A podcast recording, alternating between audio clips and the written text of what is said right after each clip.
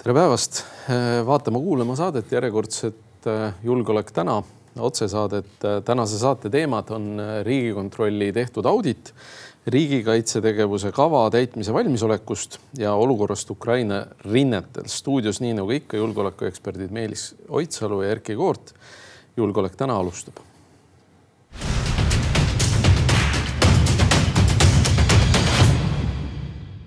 nii palju õnne, Meelis. Kolmekümnes saade. aitäh, aitäh oleme märkamatult jõudnud juba, juba. vast aitab sellise... ka juba. no ma ei tea, teine hooaeg on eks otsakorral, et eks me vaatame, mis me edasi teeme, aga lähme saate teema juurde, et äh, riigikontroll siis avaldas paar nädalat tagasi auditi kaitsetegevuse kava täitmise valmisolekust olukorrast ja, ja selle siis olukorrast, mida see on tinginud kui ma seda nüüd loen, eh, noh, Riigikontroll avaldas sellest suhteliselt eh, väikese osa, eh, sellepärast et suur osa sellest on ametkondlikuks kasutamiseks ja osa sellest on siis salajase tasemega riigisaladus. kui ma seda kaheksat lehekülge või õigemini kuut lehekülge, sest kõigepealt on tiitelleht ja siis on üks tühi leht millegipärast ja siis on kuus lehekülge seda teksti ma pean tunnistama, et ma olin hämmingus, et ühelt poolt on Riigikontroll juhtinud tähelepanu väga õigetele asjadele ministeeriumitel puudub tegelikult varu ehk et äh, sellel hetkel, kui on äh, riigikaitseline kriis, noh, tõesti ei saa saata kedagi pitsat tooma. nii, nii nagu siseministeerium haldusalas noh, ollakse harjunud, eks, et kui on mingisugune kriis, noh, ostetakse see pitsa sinna laua peale. et, et ka siseministeerium peaks kirikuraamatut keldrist välja viskama ja täitma selle koha konservidega aga nüüd paar asja, mida Riigikontroll on öelnud, on minu arust täiesti jaburad, äh, kaasa arvatud seda, et äh, ministrid peaksid ise äh, seadma oma haldusalas riigikaitselised prioriteedid. oodata, et selline asi juhtub, on ülimalt naiivne, sellepärast kui kaitseministeeriumi raha ongi riigikaitseks suunatud raha, siis ei siseministeeriumile, majandusministeeriumile ega sotsiaalministeeriumile ei anta raha mitte riigikaitseliste ülesannete täitmiseks, vaid antakse raha väga otseselt äh, igapäevaste ülesannete täitmiseks. ja ka seal on tihtipeale küsimus, et, et kui ministril on, on võim-, noh, küsimus, et kas ta, kas ta ostab midagi lattu seisma või ostab kummikuid päästjatele või äh, politseinikele äh, elementaarseid äh, kuuliveste siis noh, ilmselgelt noh, teada, millise valiku minister teeb. ehk et eh, selle asemel, et öelda lugupeetud eh, Riigikantselei, lugupeetud valitsus, lugupeetud Riigikogu, meil on päris probleem, me ei ole sõjaks valmis. selle asemel on natukene, vabandust, aetud sellist sooja õhku suust välja ma pole päris veendunud, et see su kirjeldus õiglane on selles mõttes, et loed, jah, ministrite seda. kaasvastutust seal rõhutatakse, on noh, lähiajalooline selline kogemus ütleb, et need riigikaitse ülesanded võetaksegi kui mingit kaitseministeeriumi eest tehtavat tööd. Äh, samas äh, kui noh, ütleme haiglate ravimivaru ei ole miski, mis on noh, puhtalt ainult nii-öelda sõjalisest vajadusest lähtub ka muude katastroofide ja haiguste ja nagu me näeme ka pandeemiate korral on see, eks ole, vajalik, et noh, et palju on selliseid asju, mis kus see sõna riigikaitse ülesanne mõjub üldse nagu eksitavalt, et see on üldse nagu kriisivalmidus. Nagu ja lase ma lõpetan, lase ma lihtsalt ühe kommentaari ütlen ära. selleks, et äh, olla valmis riigikaitseliseks kriisiks, peab sul olema mingisugune baastase kui sul seda baastaset ei ole mm., siis sul ei ole võimalik rajada mitte mingit riigikaitselist taset samamoodi. ma olen väga nõus, aga üldine tendents on selline ja see nähtub ka vastustes selle auditi puhul. see audit üldse toob huvitavaid probleeme välja, neist äh, siin järjepidi räägime ka e,. ikkagi selline noh, teie-meie värk et see riigikaitse on ikkagi niisugune nagu teie-meie küsimus. selge on see, et äh, väga paljud asjad ongi rahastamata, siin on ka põhjus ära toodud miks see rahastus on olnud nii kehv riigikaitseülesannetel ka teistes ministeeriumides seda kogu seda rahastamistaotlust ja ressursistamist ei ole koordineeritud keskselt. sisuliselt noh, kui siin audit midagi väga selgelt ütleb, siis ta ütleb seda, et Riigikantselei ei ole teinud seda koordineerivat tööd ja ei ole aidanud ka ministeeriumidel noh, nende taotlusi ära tuua riigi eelarvestrateegia läbirääkimistel sellises mahus, mis noh, võimaldanuks praegu auditi korral ütelda, et kõik on, kõik on rahastatud. Äh, teine probleem, mis siin auditist või võib-olla välja paistab või kolmas probleem lisaks sellele, et Riigikantselei ei ole piisavalt äh, juhtinud seda asja ja noh, ja ministeeriumid on distantseerinud ennast äh, riigikaitse ülesannetest, on võib-olla see, et noh, et kui me vaatame seda auditit ka, eks see on nagu lindude keel see on nagu, ma ei tea, Vanemuise ajal kuidagi äh, muruheide tütrete tegevusi kirjeldatud, mitte midagi nagu väga nagu aru ei saa, ta on hästi, ta on, ta, ta on abstraktne. ta osutab justkui nagu vajalikele või noh, kriitilistele kohtadele, aga ta osutab ka sellele, et kogu see valdkond on meil nii paranoiliselt üle salastatud, et isegi Riigikontroll ei saa noh täislausetega öelda, et, et mis see konkreetsem probleem on, kuhu võiks. see ongi salastamise mõte, et vaenlane ei loeks seda. riigikogu ja ka, aga ma, ma väidan, et on teatud asjad ka selles riigi kaitsetegevuse kava, kavas, milleks valmidust siin auditeeriti ka selles salajases osas on teatud asjad, mis ei peaks üldse olema salajased. siin räägitakse ka sellest, et noh, et hoitakse plaane, eks ole, oma teada, valitsemisalad ei jaga infot ja valitsemisala sees ka info ei liigu, mis plaan on sõja ajal.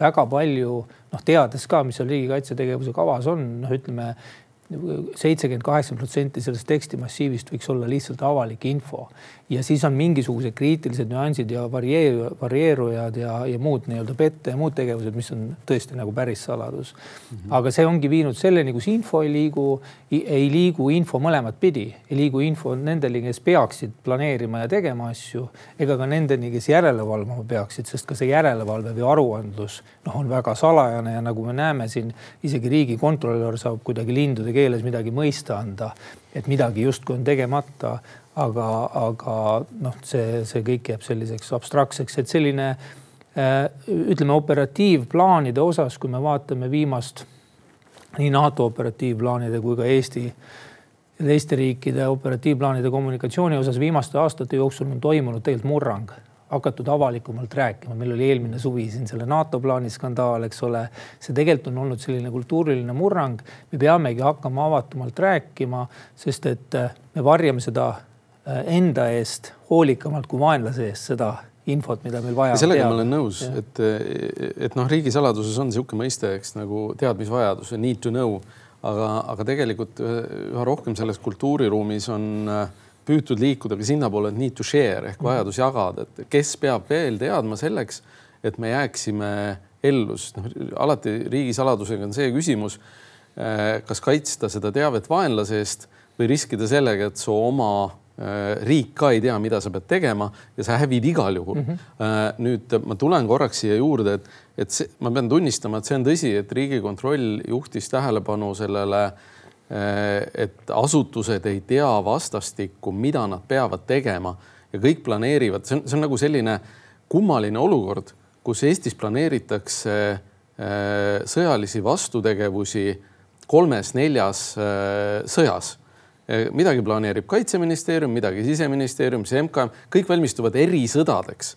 et, et noh, sein peaks küll Riigikantselei, ma olen nõus selle kokku vedama, aga sellega ma nõus ei ole, et, et Riigikantseleil on võimalik teha midagi selle rahastamisega. see on ikkagi väga selgelt valitsuse käes ja kui me vaatame näiteks sedasama. ma olen näinud neid eelarvetaotluse protsesse nagu palju ja palju näinud. ja ma ei ole kunagi näinud, et riigi, et koordinatsioonidirektor või riigisekretär kunagi ütleks, teeme rohkem. ja, ja on, selle, sellepärast, et, et nende on... roll on olnud natuke teistsugune. jah, aga praegu on, eks ole, nad seaduse järgi saanud endale sisuliselt kõikvõimsa rolli, nagu me näeme nüüd riigiga, noh, et seadus on teinud ikkagi riigisekretärist poolenisti ministri mm.. aga küsimus on, et kus see su sooritus on mm. -hmm noh, Peterkop on avalikult ütelnud, et ta läheb minema. Mm.. et noh, ilmselt nagu tema nii-öelda tuleviku väljavaadet järgmisel riigisekretäri konkursil see auditi aruanne ei sega, aga kui ta peaks uuesti kandideerima, siis oleks küll küsimus, et vot vaataks selle track record'i üle, et mis, mis siis on nii-öelda ära tehtud peaküsimustes. Äh, ma, ma olen ikkagi seda meelt, et, äh, et Riigikantselei äh, tublid või, või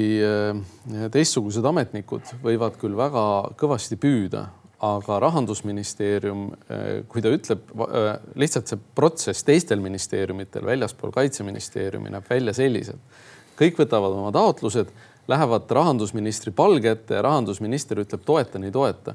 et kaitseministeerium on tegelikult saanud äh, nautida natuke teistsugust olukorda ja, ja ka selle eksistentsiaalse kriisi puhul tuli see kolme protsendi kokkulepe väga kiiresti.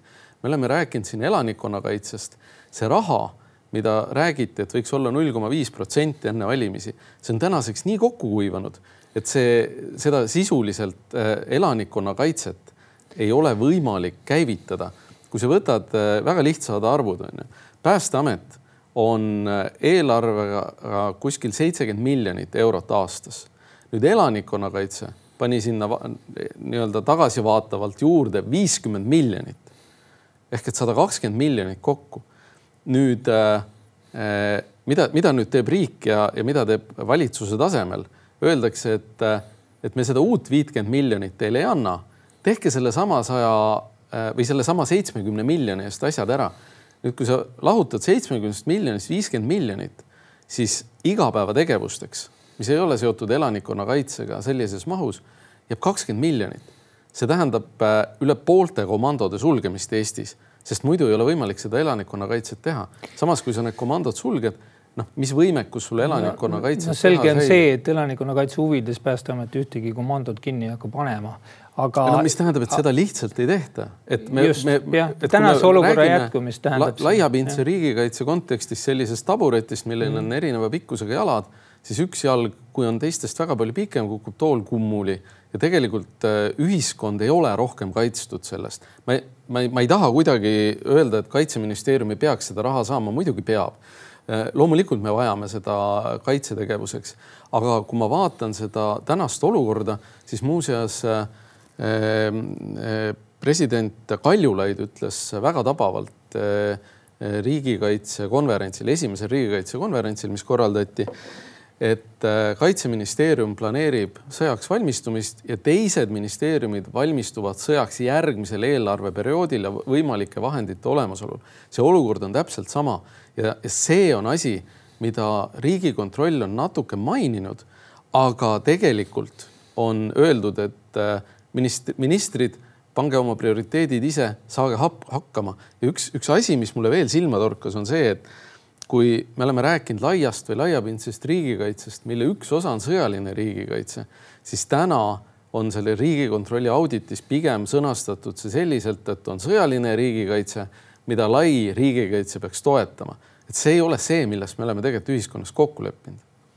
ja noh, raha on alati küsimus ja kui sa küsid, et kas et kas ja kui sa ütled, et see on probleem, see riigikontrolöri auditist välja paistev suhtumine, et noh, et lihtsalt noh, leidke valitsemisala sees, sest täpselt sama suhtumine on tulnud ka Riigikantseleist ja see ongi see probleem, et see nagu valitsuse nii-öelda häälestamine on suuresti riigisekretäri töö, et seda ükski kantsler äh, üksi seda tööd ära ei tee, sest kohe nähakse seal, eks ole, erahuvi. aga sellise ja, ja siin on noh, milles auditi puhul siin tähelepanu veel, millele juhtida, on see, et väga palju tööd, mis ei nõua üldse mingit raha, vaid lihtsalt info kogumist ja organiseerimist on tegemata. ja noh, see oleks vaja esmajärjekorras ära teha et siis on võimalik osa... ka lihtsamini neid rahasid taotleda. ma olen nõus, et osa tööst saab ära teha loomulikult äh, parema koordineerimise, parema kokkuharjutamisega. Äh, mida ma siit lugesin, on, on etteheide ministeeriumitele, kaasa arvatud siseministeeriumile, et äh, tehakse vähe õppusi. et ma olen nõus, et teades ka varasemast, et noh, MKM-is seda tüüpi õppused olid probleemsed ma tean ka seda, et siseministeerium on tahtnud kaasuda teatud kaitseväe õppuste juurde ja neid ei ole võetud, ometigi on neile seda siin ette heidetud. Äh, see, asi... seda ei saa absoluutsena võtta, seda väidet, sest väga palju õppusi toimub ikkagi koos, Kaitseliit ja politsei ja kaitsevägi ka. loomulikult to toimub ühisõppusi, loomulikult toimub ühisõppusi isegi Sisekaitseakadeemia ja Kaitseväe Akadeemia teevad mm -hmm. ühisõppusi, et loomulikult toimub, aga see on see asi, mida Riigikontroll ette heidab. Ja kui võtta nüüd Riigikontrolli üks varasem audit, mis käsitles äh, ka näiteks siseministeeriumi tegevust Covidi ja, ja Ukraina põgenike kriisis, siis äh, heideti ette, et siseministeerium on maksnud liiga palju ületunde sest inimesed nii politseis, päästes, kapos kui teistes asutustes noh, tegidki ületunde, sest ametnikke oli vähem ja tegelikult selline kriisimudel oli Eestis äh, seitsmekümne kahe tunnine kriis. et noh, peale seda peaks kõik äh, tehtud olema, aga see jätkus ja jätkus kuid ja kuid ja kuid. muidugi maksti ületunde ja, ja nüüd öelda, et äh, kuulge, et oleks pidanud veel rohkem õppusi tegema, siis etteheide teiselt poolt oleks olnud veel rohkemate ületundide tasustamine.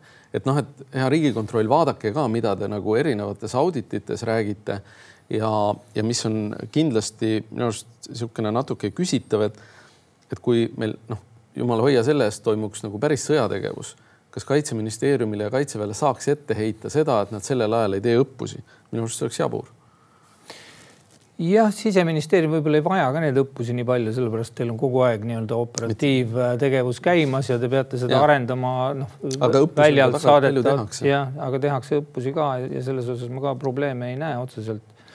et mida võiks kindlasti meeles pidada siin lisaks sellele, et oleks vaja infot rohkem jagada ja lahti salastada, on ka siiski see aruandluse küsimus, see ilmselgelt ka Riigikontrolli audit on märk sellest, et puudub sisekontrollisüsteem riigis, mis hindaks seda, kas me oleme kriisideks valmis või mitte.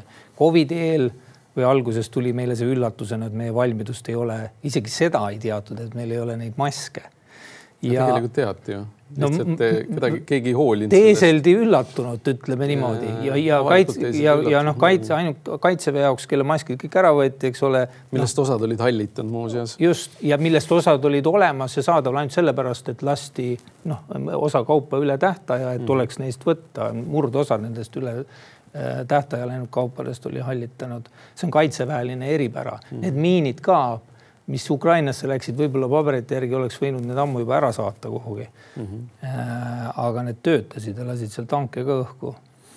Äh, aga lisaks sellele jah, salastamise teemale ja lahtisalastamise küsimusele, et siin äh, tuleb üle vaadata see riiklik aruandluse formaat, iga aasta peaks olema ikkagi kohustus, kas riigisekretäril või kes siis seda nagu asja seal koordineerib, käia Riigikogu ees rääkimas, kuidas meil on selle kriisivalmidusega, see võiks olla, me oleme siin saates sellest varem ka rääkinud, selleks võiks olla enne riigieelarve kinnitamist selline arutelu. ja riigieelarve reas võiks olla kriisideks valmistumise eraldi nii-öelda lahter, et näeks ära palju seal siis ajas sinna kulutatakse, kõik need elanikkonnakaitse read, kõik asjad võiks seal olla sedasi, mitte Päästeameti eelarve sisse topitud ja siis öeldud, et kuulge, skeemitage ennast sealt elanikkonnakaitse jaoks ka kuidagi mingid paarid miljonid. Vaid see võiks olla eraldi välja toodud, eraldi väärtustatud, aruandlus peaks olema paigas, mitte niimoodi, et tuleb ja info avatud, mitte niimoodi, et peab Riigikontroll tulema ja lindude keeles midagi laulma, siristama siin ütlema, et rohkem ei saa öelda, kõik muu on saladus no,. kaasa arvatud on, on, see jääb see saladuseks kardetavasti pikaks ajaks ka neile ametnikele, kes seda teadma peaksid ja kindlasti muidugi selle Riigikontrolli auditi puhul on üks huvitav asi ka see, et äh, öeldakse, et kaitseministeerium on äh, valmis, et olulisi puudusi pole, et äh, muidugi see oleks väga kummaline, kui kaitsetegevuse kava auditeerimisel ilmneks, et ka kaitseministeerium pole valmis. Kaitsemin... riigikaitse ei ole olnud valmis, seda me avastasime eelmine mm. aasta, kui me panime sinna, eks ole, üle miljardi euro juurde. et see, et meil on ala võimestatud olnud riigikaitse, noh, see on juba vana teema kogu selle kahe protsendi nii-öelda jutu ja, aga seda, äh, varjus. seda Riigikontroll ei ütle, Riigikontroll ütleb, et kaitseministeerium on ära teinud asjad, aga, aga see noh. sul on ikka mingi on... nagu kadedus, et kui kaitseministeeriumi kohta midagi tuleb, on... kaitseväelased ei kaasa, kaitseministeerium on üle kullatud, näed Kaitse..., miks nad, miks nende kohta öeldakse, et nad on tublid. kaitseministeerium on äh, asjakohane ja kaitsevägi väga tubli et äh, Tuli aga ära. lihtsalt, äh, lihtsalt oluline vahe on selles, et kui võtta mingisugune tervishoiu või, või äh, mingisugune muu valdkond ja auditeerida seda, siis noh, on suur tõenäosus, et kaitseministeeriumil on seal puudused ja vastutaval ministeeriumil ei pruugi olla nii palju puudusi. kaitseministeeriumil seal. mitte, sest kaitseministeerium muuhulgas on ka Eesti tsiviilmeditsiini, sõja ja katastroofimeditsiini eestvedaja. tsiviilarstid käivad seal õppimas, nii et. mis on ma, väga hea. ma arvan, et see oleks hea asi, järgmine asi, mida Kaitseministeeriumis auditeerida. mis on suurepärane ja, ja ma saan aru, et mida käiakse õppimas ka väljaspoolt Eestit siin, et Eesti on selle katastroofimeditsiini ja, ja sõjaaja meditsiini osas olnud ikkagi lipulaev, et huvitaval kombel planeerimises lähtuti pigem sellest, et konventsionaalset rünnakut ei tule, on kukutusrünnak, aga õnneks katastroofimeditsiin ja lahingumeditsiin planeeriti teistmoodi. nii et selles suhtes on nagu suurepärane töö, kes iganes seda eest vedas, peaks saama vähemalt presidendi ordeni, kui mitte midagi muud või vähemalt ma loodan, et ta on selle saanud ka. aga, aga tulles tagasi selle juurde, siis ikkagi see siin on etteheited, kus minu arust ei ole vaadatud riigiüleselt, vaid on vaadatud väga kitsalt äh, ministeeriumi põhiselt. ja, ja kui ma vaatan seda, äh, seda noh, kogumit, noh, ütleme seda avalikku osa, mis siis meile on kättesaadav, äh, teades ka natuke tausta, olles inimestega rääkinud, siis noh, minu arvates see audit on ebatäiuslik ja, ja ta keskendub äh, mitte selleks, et kas Eesti on tervikuna valmis, vaid selles, et, et siin väga paljud ministeeriumid ei ole valmis süüvimata põhjustesse. jah, see, see, et varud on puudulikud, see on, see on väga õige ja kusjuures see üks asi, mida, mida ka ette mitte ei heidetaks, see võib-olla pole õige, on ju, mida välja toob Riigikontroll, on see, et asutused loodavad varude keskusele.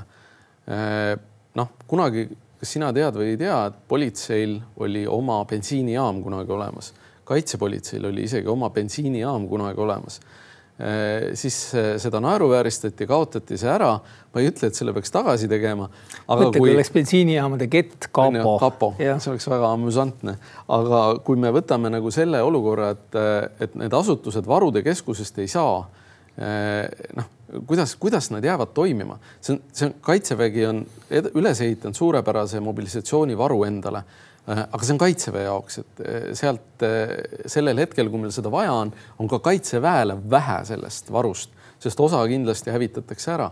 aga, aga noh, seesama küsimus, et kuidas me nagu ülejäänud riigi puhul seda, seda teeme? selle auditi suhtes ma nii kriitiline ei ole, ma ise, olen ise audiitor olnud ja ma tunnen ära ka auditeeriva, auditeeritava niisuguse standardse kiunu, mis järgneb pärast aruande. Ja mulle tundub, et sul on eelmised, eelmised kolleegid või endised kolleegid helistanud ja kiunanud su kõrva punaseks, natukene undab su kõrv ja natuke tuleb seda undamist siit läbi ka. ei ole mulle helistanud, aga kui sa vaatad nagu lihtsalt seda noh, endise audiitorina, kui sa vaatad seda vastuseid siis äh, kaitseministeerium ütleb stiilis, et äh, meie saame riigikaitsega hakkama, punkt. muidugi, see on teie põhiülesanne.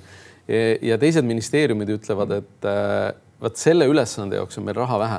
Ja see tegelikult torkab halvasti silma selles mõttes, et nagu teised nõuaks ainult raha. Mm.. ka teised ministeeriumid on väga palju ära teinud seda, mida saab teha ilma rahata, koordineerimise, kõige muuga see, et Riigikantselei on võib-olla mingid koordineerimisetapid tegemata jätnud, noh, seda ei saa ette heita MKM-ile või, või Sotsiaalministeeriumile või Siseministeeriumile.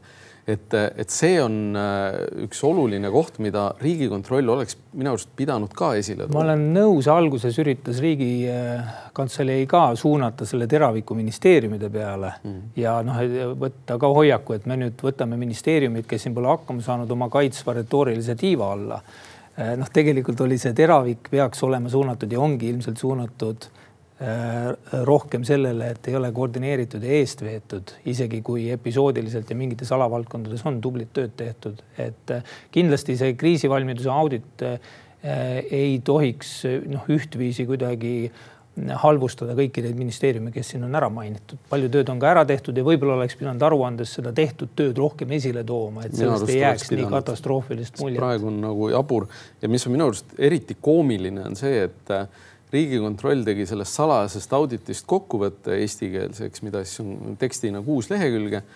ja siis sellest kokkuvõttest tegi omakorda venekeelse kokkuvõtte, mille ta siis äh, avaldas, et äh, minu arust on hea küll, et äh, Google Translate ja kõik muud asjad on tänapäeval äh, nii head, et küll need venelased selle eestikeelse auditiga ära tõlgivad või selle kokkuvõtte. aga noh, minu arust on eriti jabur tõlkida vene keelde see auditi osa või kokkuvõte, et me oleme riigina äh, täbaras seisus, näete, et noh, kelle, kelle vastu see laiapindne riigikaitse või see kaitsetegevuse kava on suunatud Venemaa agressiooni vastu.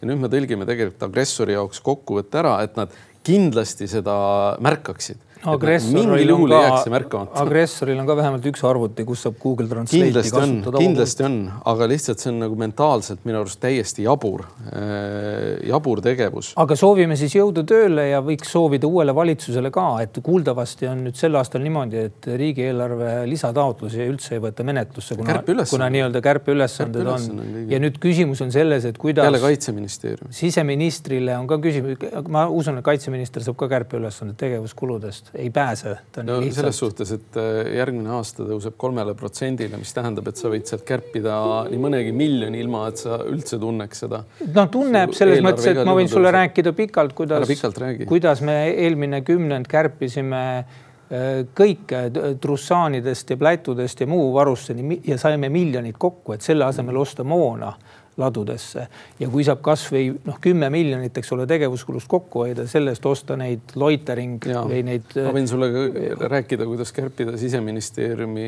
eelarvet kakskümmend protsenti ja pakkuda ikka sama teenust, et äh, nii et selles suhtes. sinu, ma saan aru, tõhusa juhtimisel oli see võimalik, sina ja, oled kaasosaline oma tõhususega selles arengus. kaasosaline aga, aga tervikuna, et, et tahaks näha, et lisaks sellele, et, et, et kui lisataotlusi võtta üldse, siis oleks see ikkagi see noh, laiapindne riigikaitse, kus tuleb veel raha sisse panna. et äh, öelda, et Päästeamet peaks endale kärpima välja elanikkonnakaitsevõime, noh, see ei ole realistlik. võimalik. et äh, üks, üks asi, mis ma tahan ära öelda, see, et sinu äh, muidugi suhe Peterkopiga, millest me oleme siin saates korduvalt rääkinud, on see, et loomulikult on riigikantsleril kantsleril, äh, riigisekretäril, riigikantsleril on roll äh, asjade paremaks tegemisel ja dirigeerimisel, nagu ütles riigikontrolör, aga äh, laiapindse või laia riigikaitse terviku juht on peaminister kogu naha ja karvadega, see ei ole riigisekretär. see on väga õige meeldetuletus, peaminister ei kirjutanud alla ka kobarkriisi seaduse eelnõule, mis läks menetlusse ja kus oluliselt piiratakse inimeste põhiõigusi ja muudetakse üldse riigi toimimise põhimõtteid kriisi ajal.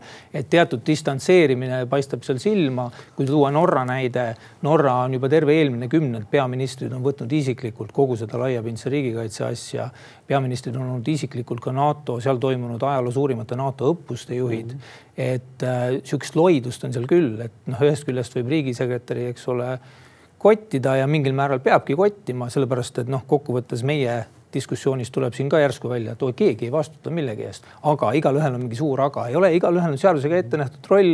kui ta seda miinimumtasemel ära ei tee, siis on jama ja see on tema jama.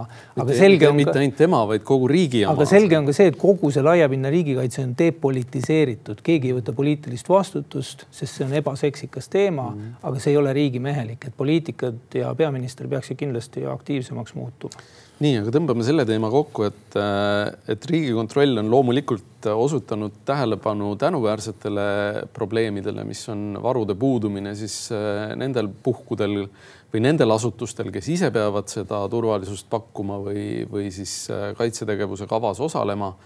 loomulikult on parem koordineerimine alati parem kui mitte koordineerimine. aga me loodame väga, et et äh, ka seda head tööd, mis tänaseni on tehtud, märgatakse ja kindlasti poliitilise taseme vastutus on siin oluline, et, äh, et see valdkond tervikuna Eesti kaitsele päriselt midagi annab. aga vahetame teemat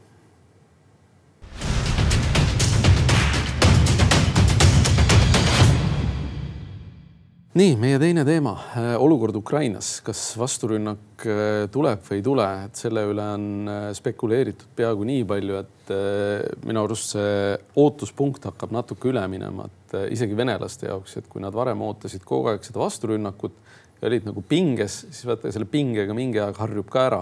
Ja mulle tundub, et hakkabki see juhtuma, võib-olla see on taotluslik et see nii-öelda see pingemoment läheb üle ja, ja, ja see vasturünnak ei oma sellist efekti nagu, nagu võib-olla alguses loodetakse selle üllatusena. aga ma ütlen, võib-olla see ongi vastase psühholoogiline väsitamine, sest ukrainlased on noh, selles äh, sõjas, äh, mis on nagu absoluutne tugevus neil, nad on suutnud kogu aeg vastast üllatada ja ülekaalukat vastast noh, ainus võimalus teda, tema kavatsust väärata ongi tegelikult pidevalt üllatada, pakkuda mingisuguseid uusi nurki, teha midagi sellist, mida vastane ei oota on see siis, eks Hersoni asemel Harkivi piirkonna vabastamine või, või mõned, mõned muud küsimused. aga, aga igatahes see Mm, see teema on nagu asi, mis järgmised kuud siin meie kõigi meeli köidab ilmselgelt. üllatada saab vastast mitmel viisil, üks on tõesti jah, see rünnaku ajastus. rünnaku ajastusel kindlasti ukrainlaste jaoks määrab mitte ainult see, eh, et võimalikult kiiresti lääne ootusi kuidagi teenindada, vaid ka see, et vaadata, kas need brigaadid, mida siin kaheteist brigaadi jagu on väge ehitatud, pealetungiväge et need oleksid piisavalt varustatud ja valmis minema, sest et noh, see on kogenematu vägi, kes nüüd sõtta läheb, nii nagu Vene pool praegu istub kaitses suuresti kogenematu, aga üsnagi suur vägi vist suurem kui, eks ole, rünnaku noh, eelmise aasta kahekümne neljandal veebruaril isegi kohati. suurem, pea kaks korda ja. suurem juba. et, et, et, et selle ajastuse äh, osas mängib rolli jah, see võimalus, mida see ajastus loob, kas üllatuse või siis lihtsalt selle näol, et noh, venelastel on mingisugune, ma ei tea hellem hetk parasjagu. Äh, aga üllatusi saab luua ka tõesti, nagu sa ütlesid, suuna näol, saab luua ka sõjapidamise või rünnaku viisi näol. saab luua niimoodi, et eks ole, et me alustame, et vastane järsku avastab ühel hetkel, et pealetung on juba alanud, ilma et oleks noh näinud välja kuulutatud. tankidega laetud praame ületamas seda Dnepri jõge, eks ole et äh, ja praegu midagi sellist seal ju Dnepri lõunakaldal ka toimub, et mingid nii-öelda üksused, ettevalmistavad üksused on üle toodud, kujundatakse nii-öelda lahinguvälja. ja, ja noh, selles osas tulebki noh, anda kogu rahu nii-öelda Ukraina äh, väejuhatusele. Nad on, rahu nad muidugi ei saa, sest ootused on nii üles kruvitud. Nad on ja nad on noh, ootusi aitab hallata ka see, et nad on oma plaanid läbi arutanud nagu eelmisedki plaanid ameeriklastega eks ameeriklased teavad nende plaane, loodetavasti midagi ei leki nende no, kohta nüüd. eks sa ütlesid õnneks selle ära juba aga kui tuua siit huvitav nagu mõte sealt äh, lekkinud paberitest, siis mulle tundub natuke, kui me rääkisime sellest, et kas USA luure liiga pessimistlik ei ole mitte, kui ta ütleb, et noh, et nad võib-olla ei saa hakkama seal oma asjadega nii palju, kui me tahaks, ukrainlased. et mulle tundub, et natukene on siin ka noh, tekkinud võimalus ameeriklastel noh, ootusi hallata et äh, juhul, kui äh, läheb halvasti, et siis noh, läheb nii-öelda Ukraina ettevalmistamatuse tõttu, juhul kui läheb hästi, siis tänu meie otsustavale äh, abile, et mingi niisugune nagu alatoon seal on, kui kiuslikult vaadata seda asja. aga see on noh, ilmselt natukene juba paranoiline selline mõtlemine. Ja sellist paranoilist nii-öelda ülemõtlemist tingibki see ootusärevus natukene, kõike nagu tõlgendame võib-olla üle või ala ja kokkuvõttes ei ole vahet, kas see on kevad või suvine pealetung, küsimus on selles, kuhu ta viib. noh, eeldatavalt seda siin eeldavad avalikult ka Stoltenberg ja teised arvamusliidrid läänes. Äh, ründaja ikkagi võtab pigem maad tagasi kui kaitsja mm. -hmm. et sõjaline loogika justkui näeb seda ette. kaitse on väidetavalt ikkagi üsna põhjalik venelastel. Äh, ja noh, nüüd ongi küsimus, eks ole, et milliste kuludega ja milliste tulemustega siis see operatsioon ukrainlaste jaoks lõpeb. Äh, soovitud olukord oleks selline, et see, mis pilt meid sügisel vastu vaatab, et see annaks kas mingit otsustava eelise jätkurünnakuks või siis looks mingid, kujundaks keskkonda selliselt, et venelased on sunnitud ise loovutama midagi ilma sõjalise täiendava vastupanuta, noh läbirääkimiste teel et kui seda ei ole, siis tekib äh, probleem Ukraina jaoks ja tekib probleem ka lääne valitsuste jaoks, kuna nad peavad hakkama, eks ole, uut seda varustustsüklit äh, rahastama. Äh, ühiskond on sõjast väsinud.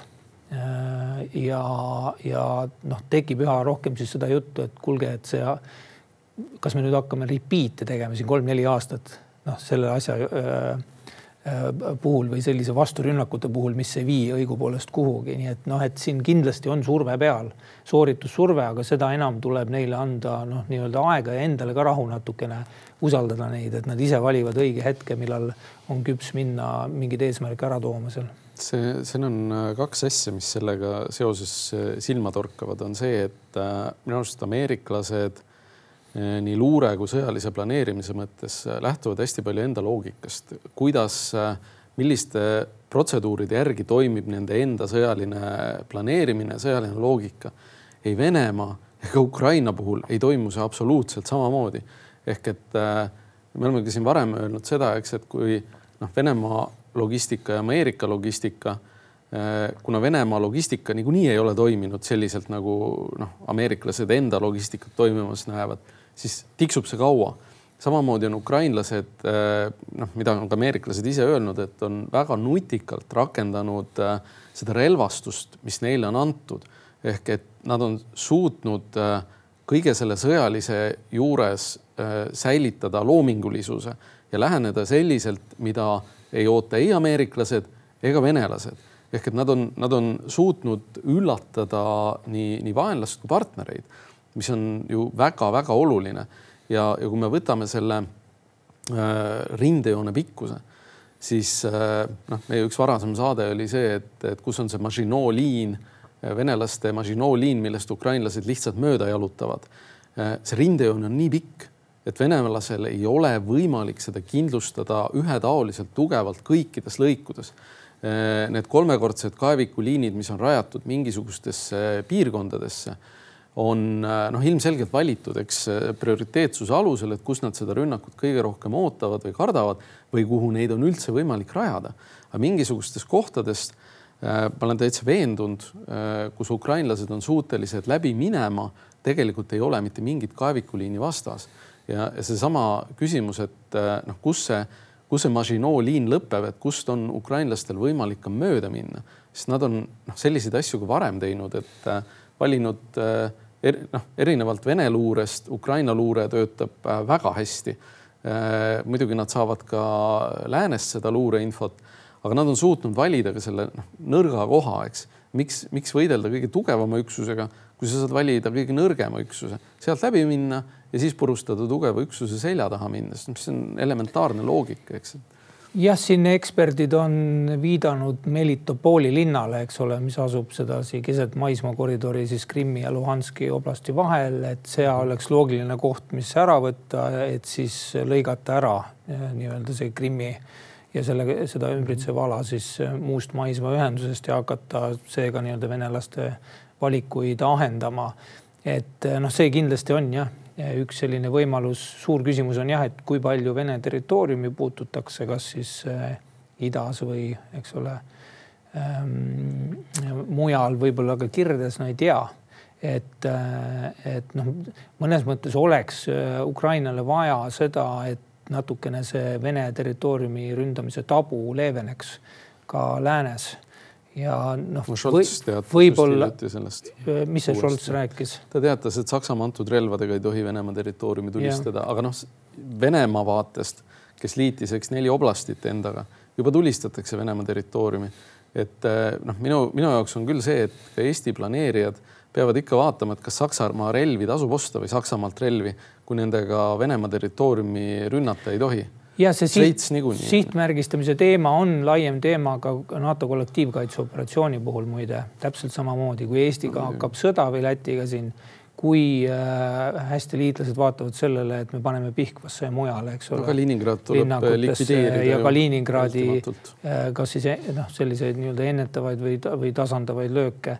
et äh, see on probleem ja selle üle peab jätkuvalt rääkima kui äh, sakslased noh, seda nii häälekalt seal välja ütlevad, siis peab kohe minema Eesti diplomaat juurde ja küsima, kuule, kuidas siis on, kui artikkel viis on, siis ajame ka sama juttu. me, ma ja see on väga hea üleskutse, kusjuures, et kas kaitseminister äh, läheb oma Saksa kolleegi Pistoriuse juurde ja küsib, et kuule, et aga me oleme ka Saksamaalt mingisuguseid relvi ostnud.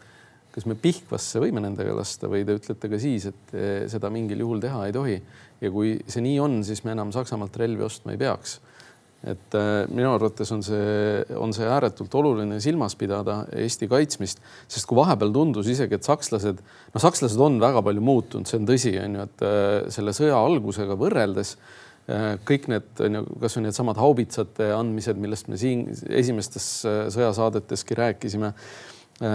see, see on väga palju muutunud, väga palju tabusid on juba murdunud, aga noh, ütleme nüüd välja öelda veel, et et äh, Ukraina ei tohi äh, Venemaa territooriumile, eks Saksa haubitsaga või Saksamaalt saadud haubitsaga ühtegi lasku teha. muuseas, kas Eesti antud haubitsatega, mida Saksamaa kunagi andis Soomele ja Soome meile ja milleks me pidime luba küsima, kas nende relvadega tohib Venemaa territooriumit puud, puudutada või mitte? see on juba, ütleme nii-öelda see on, tegemist on mitte sugulus, vaid hõimlussuhtega siis sellel haubitsal Saksamaaga, et ma arvan, hõimlased võivad et äh, aga, aga igal juhul seda noh, probleemi ei maksa ignoreerida kindlasti nagu planeerimise võtmes, et äh, sest ühel, ühel momendil me võime olla olukorras noh, ütleme täna Saksamaa äh, see ümberrelvastumine või ümberorienteerumine on toimunud. noh, ka Scholz ühel päeval ei ole enam kantsler ja, siis on küsimus, kes on järgmine Saksamaa kantsler, kas, kas on Frau Merkeli taoline kes eh, tahab ka Venemaad, eks siduda majanduslikult ja, ja siis meil võib olla tõsine probleem. ja samamoodi noh, Pistorius on olnud väga jõuline, eks eh, Saksa välisminister eh, on olnud väga jõuline, aga, aga noh, poliitikute, demokraatlike riikide poliitikute puhul on see asi, et nad vahetuvad, et nad ei ole püsivad, nii nagu Sergei Lavrov või Vladimir Putin on ju, kes on olnud eelmisest, peaaegu et eelmisest aastatuhandest äh, selle pumba juures.